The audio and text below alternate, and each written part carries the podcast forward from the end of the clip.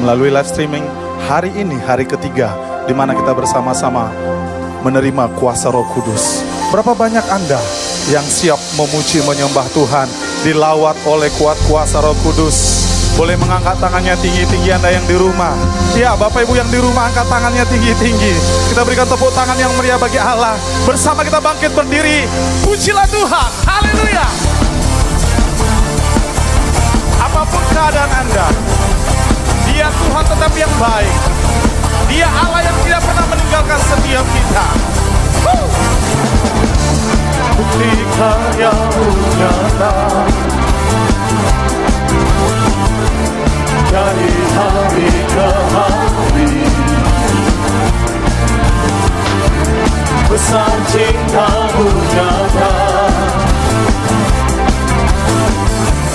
Dari generasi ke generasi Dengan iman katakan Kau angkat sakitku. Kau angkat beban hidupku Tuhan Yesus Sungguh baik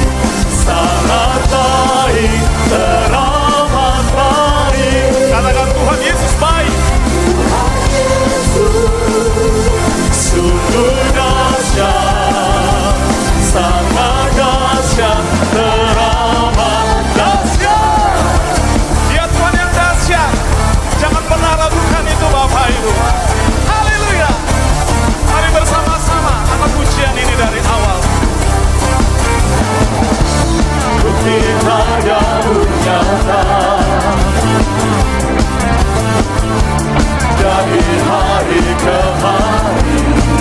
bersama-sama Besar cintamu nyata Dari generasi ke generasi. Dari generasi. Ke generasi Kau angkat sakitku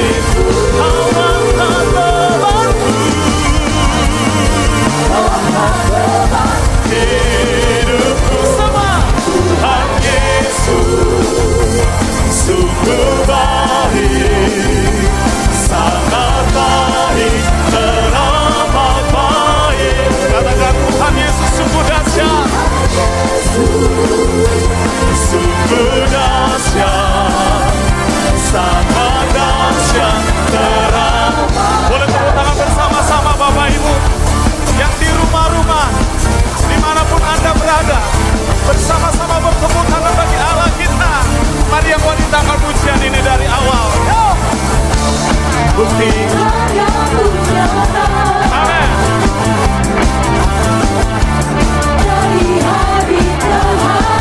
Mari yang pria bersama saya angkat suaranya ya. Besar cintamu nyata Dari generasi ke generasi. Bersama-sama dengan iman katakan Kau angkat sakitku Kau angkat beban Tuhan Yesus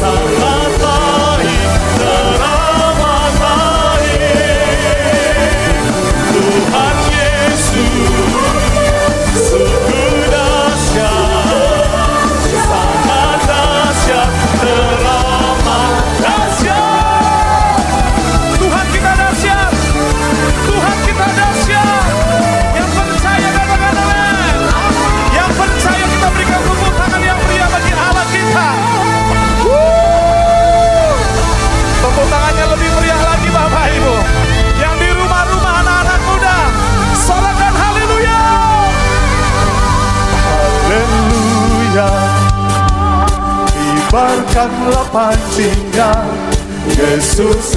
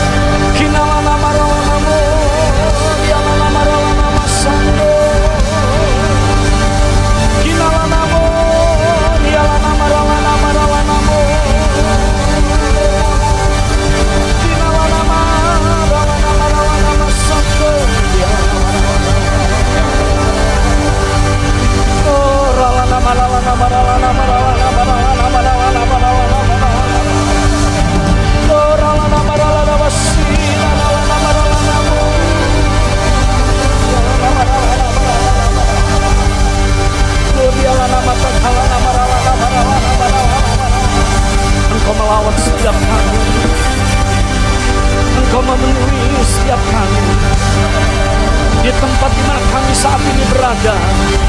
Roh Kudus jamah kami, jamah kami.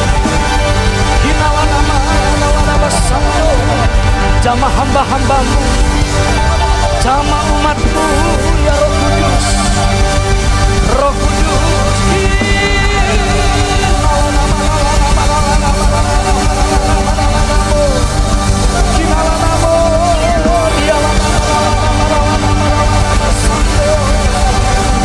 Jamaah kota demi kota. Jamaah bangsa demi bangsa. Jamaah suku demi suku. Kinalada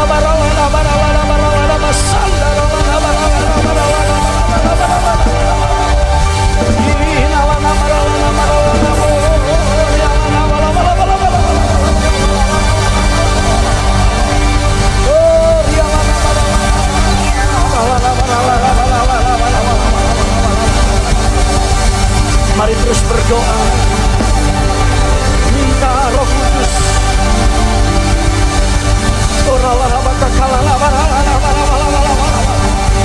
Dia Bapa yang baik Dia Bapa yang memberikan apa yang kita minta dan doakan Kalau kita minta roh kudus Roh kudus akan diberikannya kepada kita Oh,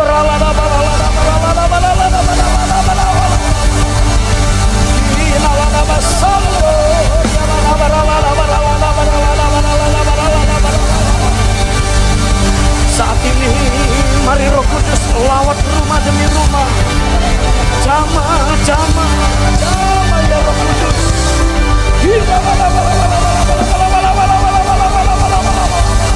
Datanglah dengan kuasamu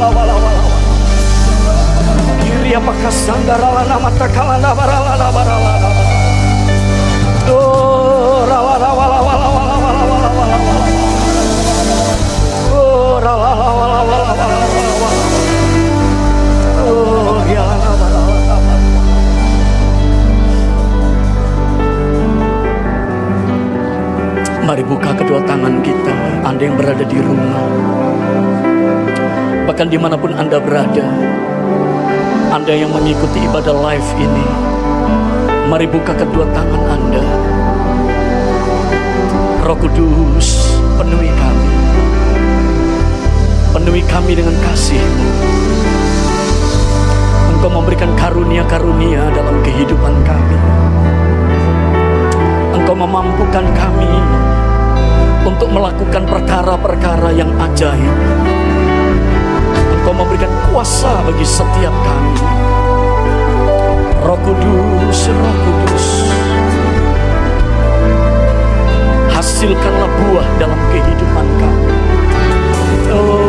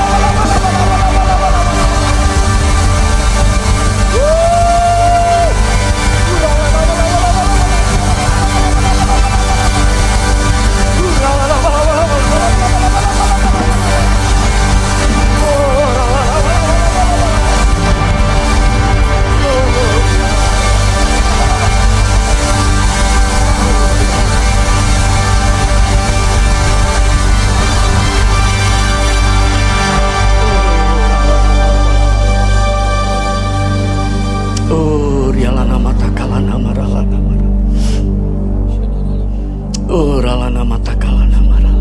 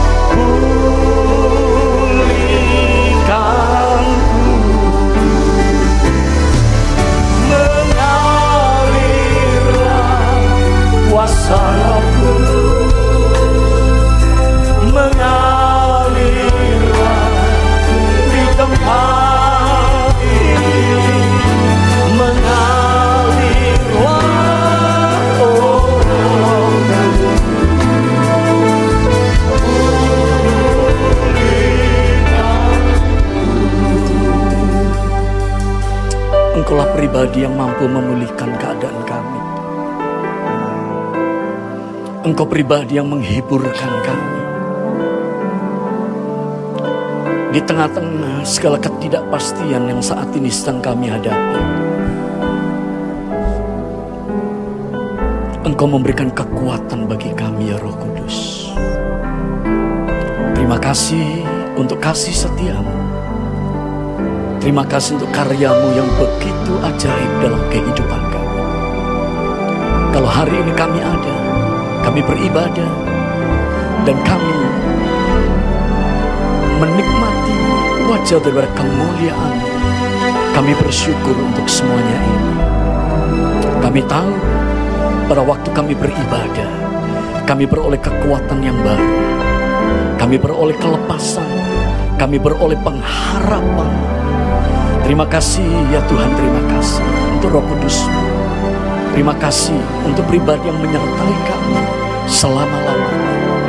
Dan malam ini, jamahanmu akan mengubah kehidupan kami. Pengurapanmu akan mengubah kehidupan kami. Dalam keadaan satu kenormalan yang baru, maka kami akan melangkah bersama-sama dengan Engkau. Karena kami tahu bersama-sama dengan Engkau ada kepastian. Kami bersyukur urapanmu akan mengajar kami, mengingatkan kami tentang apa yang harus kami lakukan.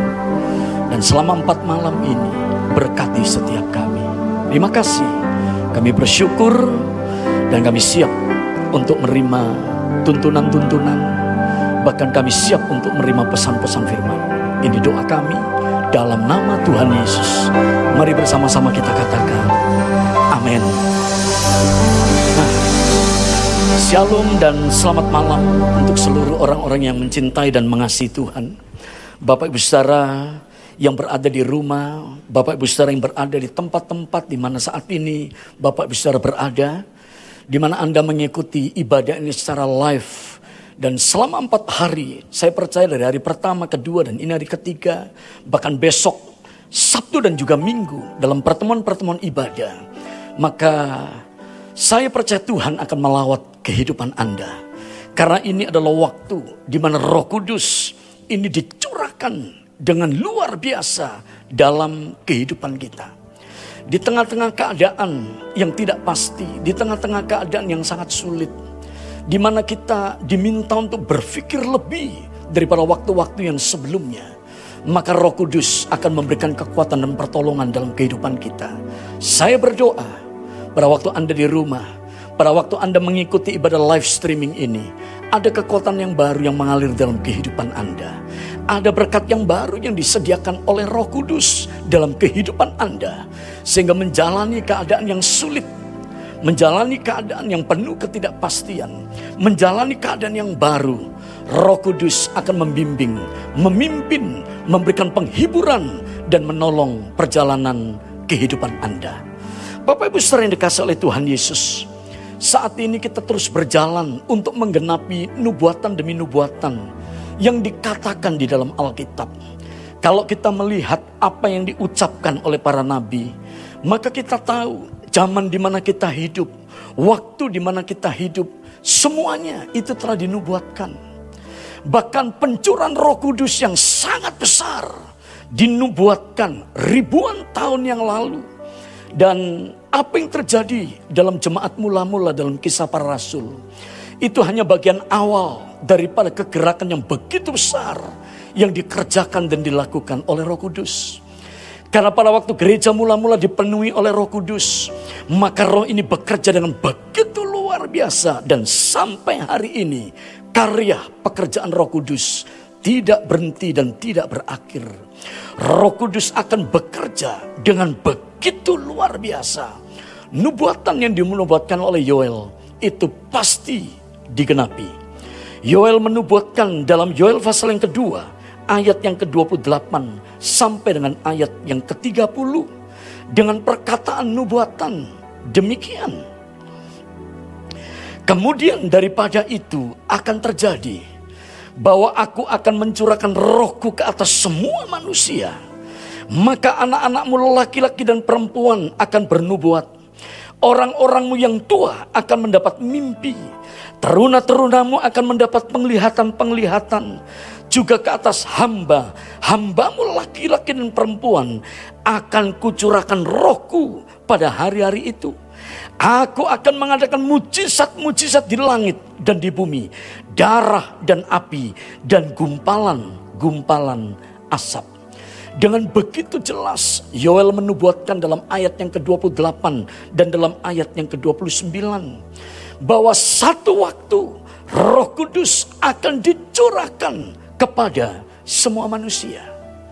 Saudara, apa yang terjadi pada waktu seseorang ini dipenuhi oleh Roh Kudus? Maka kalau kita melihat kisah-kisah yang terjadi dalam perjanjian lama. Pada waktu seseorang itu dipenuhi oleh roh kudus. Waktu nabi-nabi dipenuhi oleh roh kudus. Maka nabi-nabi beroleh kuasa untuk bernubuat. Pada waktu orang-orang dipenuhi oleh roh kudus. Manusia yang hidup dalam perjanjian lama. Maka mereka kemudian disertai dengan keahlian-keahlian. Keluaran pasal yang ke-31. Ayat yang pertama sampai dengan ayat yang ketiga mencatat pada waktu Aholiab dikuasai, pada waktu Aholiab dipenuhi oleh Roh Kudus, maka ia kemudian beroleh kecakapan, ia beroleh kemampuan, ia beroleh keahlian, pengertian untuk mengerjakan sesuatu yang mungkin dia tidak sanggup untuk melakukannya. Dalam kisah kehidupan daripada Daniel juga terjadi demikian. Dalam Daniel pasal yang kelima ayat yang ke-12 pada waktu Daniel dipenuhi oleh roh kudus. Maka ia beroleh roh yang sangat luar biasa. Ia beroleh kemampuan untuk menata. Ia beroleh kemampuan untuk mengatur. Dan membuat segala sesuatu yang tidak tertib. Yang susah untuk diurai. Dengan kemampuan daripada roh yang datang daripada Allah. Daniel kemudian mampu untuk mengurai setiap kekusutan yang ada dampak yang terjadi pada waktu seseorang dipenuhi oleh roh di zaman perjanjian lama. Maka orang tersebut tidak hanya kemudian hidup secara rohani dalam keadaan yang baik. Tetapi pada waktu roh kudus itu memenuhi kehidupan orang tersebut. Dampak yang terjadi itu juga terjadi untuk dunia. Pada waktu kita dipenuhi oleh roh kudus. Maka apa yang terjadi? Saudara, waktu kita dipenuhi oleh Roh Kudus, hidup kita akan berdampak untuk dunia ini. Para pengusaha, para karyawan, para pekerja. Kenapa kita perlu dipenuhi oleh Roh Kudus? Sebab pada waktu kita dipenuhi oleh Roh Kudus, maka kita beroleh kemampuan di tempat di mana kita bekerja. Kita beroleh kemampuan untuk mengelola apa yang Tuhan percayakan kepada kita di rumah kita masing-masing, di tempat kita tinggal masing-masing. Pada waktu roh itu memenuhi kehidupan kita, ada sesuatu yang berbeda yang kemudian terjadi di dalam kehidupan kita. Saul pada waktu ia dipenuhi oleh roh kudus, maka Alkitab mencatat dia menjadi manusia yang lain. Karena roh akan memampukan seseorang ini melakukan sesuatu yang tidak mungkin dia bisa lakukan. Pada waktu seseorang dipenuhi roh kudus, ada sesuatu yang tambah di dalam kehidupan orang tersebut. Apa yang terjadi pada waktu janji kepenuhan roh kudus yang terjadi untuk seluruh manusia. Yaitu pada waktu roh kudus memenuhi kehidupan seluruh manusia. Saudara kalau setiap manusia dipenuhi oleh roh kudus. Maka manusia itu akan beroleh kemampuan yang sangat luar biasa. Saya membayangkan apabila orang-orang percaya semuanya dipenuhi oleh Roh Kudus, maka ia akan melakukan perkara-perkara yang luar biasa. Apabila semua orang percaya sudah dibanjiri oleh kuasa daripada Roh Kudus, maka ia akan menjadi saksi. Ia akan mampu melakukan perkara-perkara yang sangat besar. Tuhan berjanji, roh yang seperti inilah yang dianugerahkan dan diberikan dalam kehidupan kita. Pada waktu Yesus itu naik ke surga, dia berjanji kepada murid-muridnya, jangan tinggalkan Yerusalem. Sampai kamu dipenuhi dengan kuasa dari tempat yang maha tinggi. Murid-murid kemudian menantikan janji itu. Dia berkumpul di satu loteng, yaitu loteng atas yang ada di kota Yerusalem. Mereka berdoa, mereka menantikan janji itu. Mereka berharap janji itu digenapi dalam kehidupannya. Dan apa yang terjadi? Kisah Rasul pasal yang pertama mencatat pada waktu mereka berkumpul, kisah Rasul pasal 2 meneguhkan waktu mereka kemudian berkumpul, Roh Kudus itu hadir dan Roh Kudus ini kemudian memenuhi kehidupan mereka. Apa yang terjadi pada waktu murid-murid ini dipenuhi oleh Roh Kudus? Yang pertama dicatat dalam kisah Rasul pasal 2 ayat yang keempat. Pada waktu murid-murid ini dipenuhi oleh Roh Kudus, ayat yang keempat menuliskan demikian. Maka penuhlah mereka dengan Roh Kudus, lalu mereka mulai berkata-kata dalam bahasa-bahasa lain, seperti yang diberikan oleh Roh itu kepada mereka untuk mengatakannya. Saudara pada waktu murid-murid ini dipenuhi oleh Roh Kudus, maka ayat 4 menuliskan dengan begitu jelas. Murid-murid kemudian mulai berkata-kata dengan bahasa-bahasa yang lain. Dalam pertemuan pertama dan pertemuan ke- kedua kemarin, maka kita sudah beroleh penjelasan. Ada istilah daripada bahasa lidah, ada istilah daripada bahasa roh. Malam ini, saya hanya menyimpulkan bahwa kisah Rasul pasal yang kedua, ayat yang keempat, kita akan menyebut ini dengan kemudian kepenuhan daripada Roh Kudus dan murid-murid kemudian mulai berkata-kata di dalam bahasa-bahasa roh. Apa yang terjadi pada waktu seseorang ini kemudian mulai mengucapkan atau mulai per- memperkatakan atau berkata-kata di dalam bahasa roh. Maka yang pertama, 1 Korintus pasal yang ke-14 ayat yang kedua dituliskan demikian. Siapa yang berkata-kata dengan bahasa roh, ia tidak berkata-kata kepada manusia, tetapi ia sedang berkata-kata kepada Allah. Sebab tidak ada seorang pun yang mengerti bahasanya oleh roh. Ia mengucapkan hal-hal yang rahasia. Sudah pada waktu mereka dipenuhi roh kudus. Mereka kemudian mulai berkata-kata di dalam bahasa roh. Apa tujuan? Pada waktu bahasa roh ini diberikan oleh Tuhan kepada para murid. Kisah Rasul, maaf, 1 Korintus 14 ayat yang kedua menuliskan. Orang yang kemudian berkata-kata di dalam bahasa roh, ia sedang berbicara kepada Allah. Semakin banyak kita berkata-kata dalam bahasa roh, artinya kita semakin kemudian berkata-kata dengan Allah. Orang lain tidak mengerti apa yang diucapkannya. Tetapi roh daripada orang itu yang kemudian berbicara kepada Allah. Dan Allah yang mengerti apa yang merupakan isi hati daripada orang itu. Maka Allah akan memberikan kekuatan, Allah akan meneguhkan, dan Allah akan memberikan pertumbuhan rohani dalam kehidupan orang itu. Pada waktu saya bertobat, saudara, saya juga pertama menjadi orang yang berpikir ini bahasa apa yang kemudian diucapkan oleh gereja pada waktu itu. Saya mencoba untuk kemudian meniru. Saya mencoba untuk kemudian mengucapkannya. Tetapi ada sesuatu yang sulit. Ada sesuatu yang tidak klop dengan hati. Tapi satu waktu, pada waktu saya mengalami kepenuhan daripada roh kudus itu. Sesuatu ini kemudian mulai mengalir dari hati. Dan ini kemudian mulai terucap dalam perkataan. Dan ini kemudian mulai mengalir terus.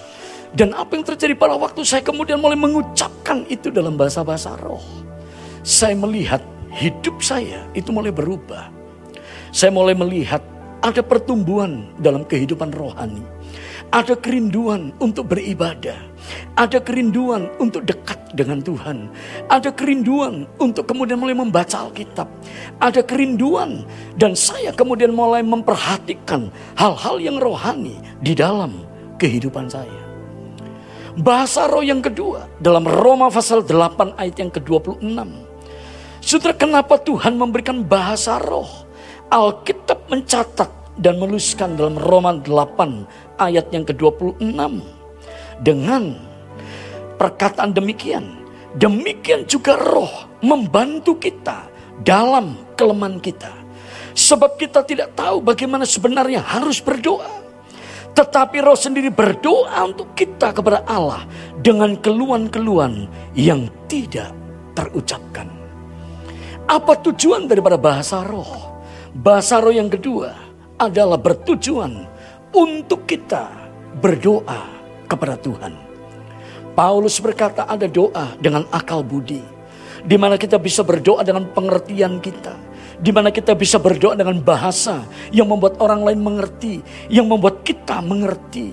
Tetapi ia juga berdoa di dalam roh. Pada waktu ia berkata-kata dalam doanya. Tuhan itu mendengar. Tuhan memperhatikan kelemahannya. Yang ketiga, apa yang merupakan tujuan Tuhan memberikan bahasa roh kepada murid-murid, bahkan kepada seluruh umatnya. 1 Korintus pasal 14 ayat yang keempat menuliskan demikian. Siapa yang berkata-kata dengan bahasa roh, ia membangun dirinya sendiri. Tetapi siapa yang bernubuat, ia membangun jemaat. Orang yang berkata-kata dengan bahasa roh, ia tidak membangun jemaat karena nubuat yang akan membangun jemaat. Tetapi orang yang berkata-kata di dalam bahasa roh, ia membangun dirinya sendiri. Hari ini, kalau Anda melihat, Anda menemukan kelemahan terjadi dalam kehidupan Anda. Anda melihat keadaan yang sangat sulit. Anda melihat semuanya menjepit kehidupan Anda. Mari kita lebih banyak mengucapkan doa dalam bahasa roh. Mari kita lebih banyak untuk berbahasa roh. Mengapa? Karena pada waktu kita berkata-kata dalam bahasa roh, kita membangun diri kita sendiri. Pada waktu kita membangun diri kita sendiri, kita akan beroleh kekuatan, kita akan beroleh kemampuan untuk lepas dari setiap persoalan dan masalah yang kita hadapi. Mari katakan amin. Anda yang berada di rumah, katakan amin. Kalau Anda bisa memberikan tepuk tangan, berikan tepuk tangan.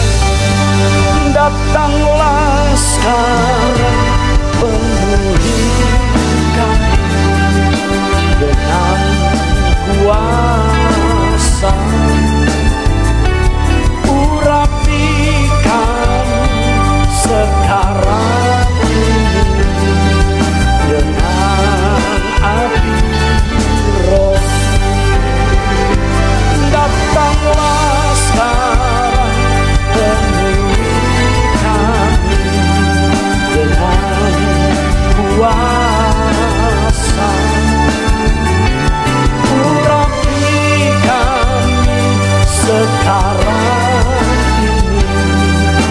Apa yang terjadi pada waktu Roh Kudus itu memenuhi kehidupan para murid? Ia tidak hanya kemudian berkata-kata di dalam bahasa-bahasa yang lain. Tetapi dicatat dalam kisah Rasul 2 ayat yang ke-14. Murid-murid punya keberanian untuk kemudian bersaksi. Roh Kudus diberikan supaya mereka punya keberanian untuk menyampaikan kabar baik. Roh Kudus diberikan supaya para murid punya kemampuan untuk kemudian bersaksi. Kisah Rasul selanjutnya mencatat pada waktu mereka kemudian mulai pergi keluar untuk bersaksi. Thomas melayani di India dan dia menjadi saksi Kristus di India. Markus dia pergi ke Alexandria, ke Mesir dan dia melayani di Alexandria. Bahkan sampai mati ia berada di Alexandria. Para murid-murid yang lain juga melakukan hal yang sama. Petrus pada waktu sebelum Roh Kudus memenuhi kehidupannya, dia menjadi seorang yang takut. Pada waktu Yesus akan disalibkan, Petrus menyangkal bahwa ia mengikut Tuhan Yesus. Tetapi apa yang terjadi pada waktu Roh Kudus itu memenuhi kehidupannya, Petrus menjadi orang yang berani dan dia kemudian bersaksi. Pada waktu dia bersaksi, ribuan orang itu menjadi percaya kepada Tuhan Yesus. Dari pelayanan para rasul, maka kita menemukan ada orang-orang seperti Paulus, Priscilla, Aquila. Ada orang-orang yang seperti Lukas, ada orang-orang yang seperti Lydia, yaitu produsen daripada garmen kain ungu yang kemudian dipakai untuk melayani dan dipakai untuk bersaksi. Dari pelayanan yang terjadi dalam kisah para rasul, Dorcas yang merupakan perancang busana menjadi kesaksian bagi begitu banyak orang dan hidupnya itu menjadi berkat. Kita tahu ada Simon, penyamak kulit yang rumahnya pernah ditinggali oleh Petrus. Maka dia juga menjadi saksi. Kisah Rasul mencatat pada waktu Roh Kudus itu memenuhi kehidupan para murid, maka mereka kemudian mulai terserak, mereka kemudian mulai tersebar untuk memberitakan kabar, yaitu kabar keselamatan kepada setiap bangsa. Bahkan dicatat dalam kisah Rasul 19 ayat yang ke-10. Ada satu peristiwa yang sangat luar biasa. Hal ini dilakukannya dua tahun lamanya. Yaitu pelayanan daripada Paulus di Asia Kecil. Sehingga semua penduduk Asia mendengar firman Tuhan. Baik orang Yahudi maupun orang Yunani. Dan Injil ini dibawa ke seluruh dunia untuk menjadi kesaksian. Kalau kita mau menjadi saksi, hal yang paling penting, hal yang terutama yang harus kita lakukan, izinkan Roh Kudus itu memenuhi setiap kehidupan kita.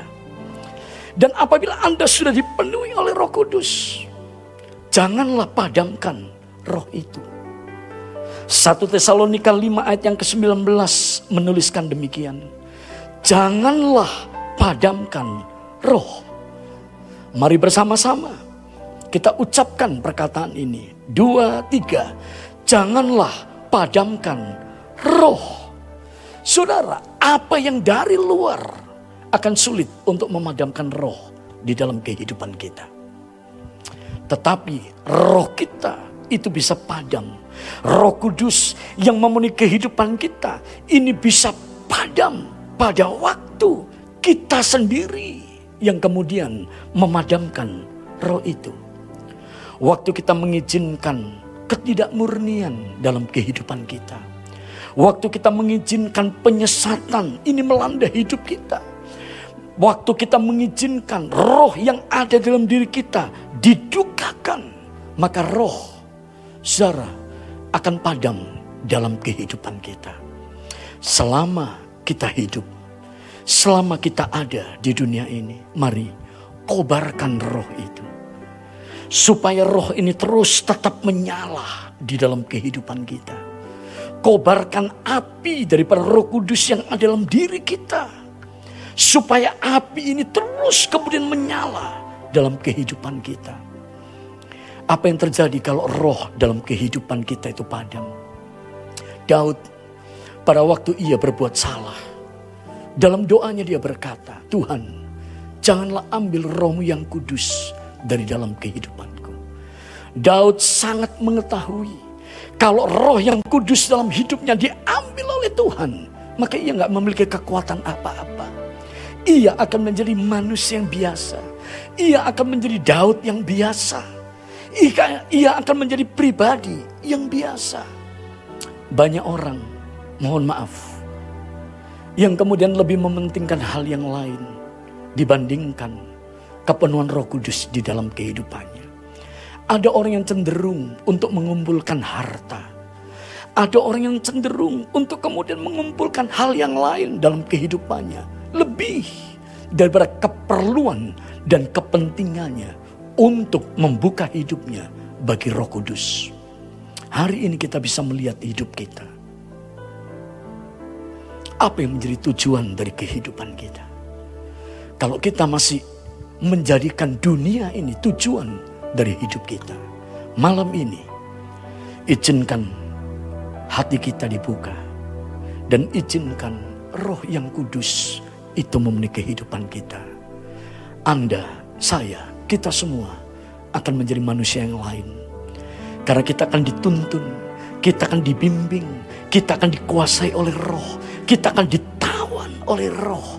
Dan roh akan membawa kita kepada maksud daripada hati Allah sendiri. Waktu kita dipenuhi roh kudus. Yesaya pasal yang ke-32 ayat yang ke-15. Dan kita akan tutup di sini. Sampai dicurahkan kepada kita roh dari atas. Maka padang gurun akan menjadi kebun buah-buahan.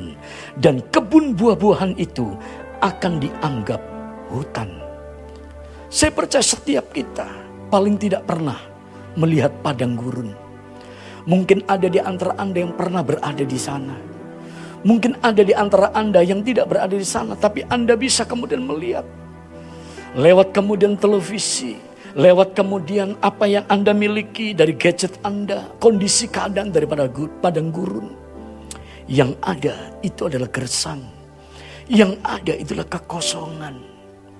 Sesuatu yang sulit untuk kemudian manusia tinggal di padang gurun. Tapi Yesaya 32 ayat yang ke-15 menuliskan waktu roh itu dicurahkan apa yang tandus, apa yang kering semuanya akan berubah menjadi kebun buah-buahan. Bapak Ibu sering dikasih oleh Tuhan Yesus. Buah 80% apa yang di dalamnya itu adalah air. Anda bisa membayangkan apa yang terjadi pada waktu padang gurun berubah total menjadi kebun buah-buahan. Yang artinya gurun itu dipenuhi dengan air. Karena buah-buahan diperkirakan 80% isinya itu adalah air. Dan di dalam buah-buahan itu memiliki kandungan vitamin yang diperlukan oleh tubuh manusia. Waktu roh memenuhi kehidupan kita. Kegersangan kita akan digantikan dengan air kehidupan. Dan air itu bukan hanya menyembuhkan kita. Karena air itu mengandung vitamin-vitamin yang kita perlukan. Tetapi air itu akan menyembuhkan orang lain. Karena orang lain pada waktu bertemu dengan kita. Maka mereka akan berkata, hidupku diberkati oleh dia. Hidupku dikuatkan oleh dia. Dan hidupku diangkat oleh kehidupan. Yang percaya katakan amin. Mari bersama-sama kita bangkit berdiri. Datanglah sekarang penuhi kami dengan kuasa. Urapi kami sekarang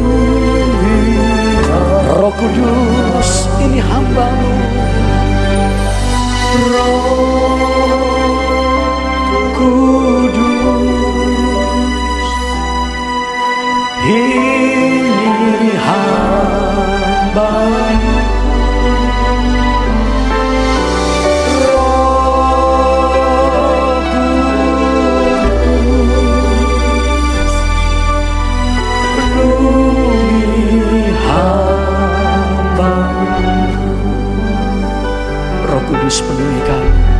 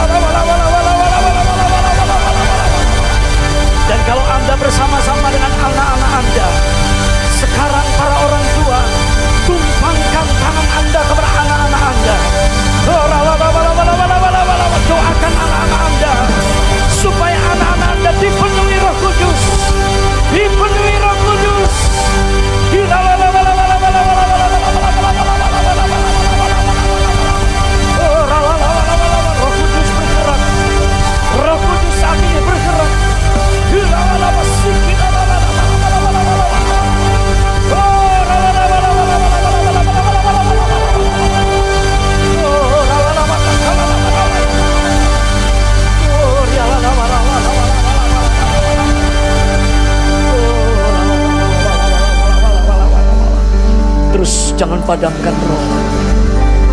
Anda terus mulai berkata-kata dengan bahasa-bahasa.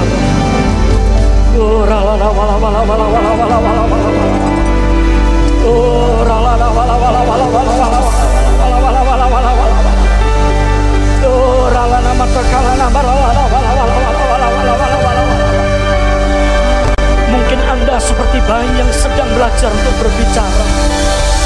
Oh, terus berkatakan